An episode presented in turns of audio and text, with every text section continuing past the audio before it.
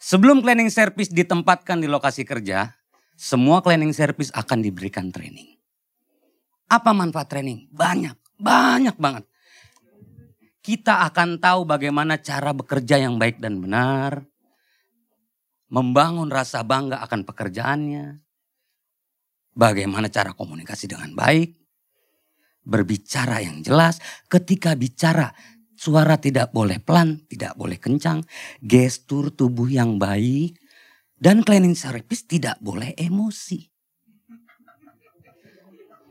Cleaning service yang sudah diberikan training, komunikasinya beda, suara beda, gestur beda. Contoh, ah, selamat siang Pak, sepertinya Bapak ada sedang mencari sesuatu. Ada yang bisa saya bantu? Uh, eh, ATM sebelah mana mas? Bapak lurus saja, nanti belok kanan. Terima kasih mas, sama-sama Pak. Yang belum di training, Cengok-cengok mulu nyari apaan sih? Orang mah nanya.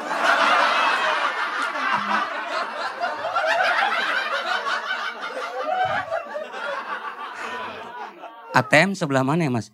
Sana no. Lurus. Ntar belok kanan. Heh. Kanan. Makasih mas. Hame hame.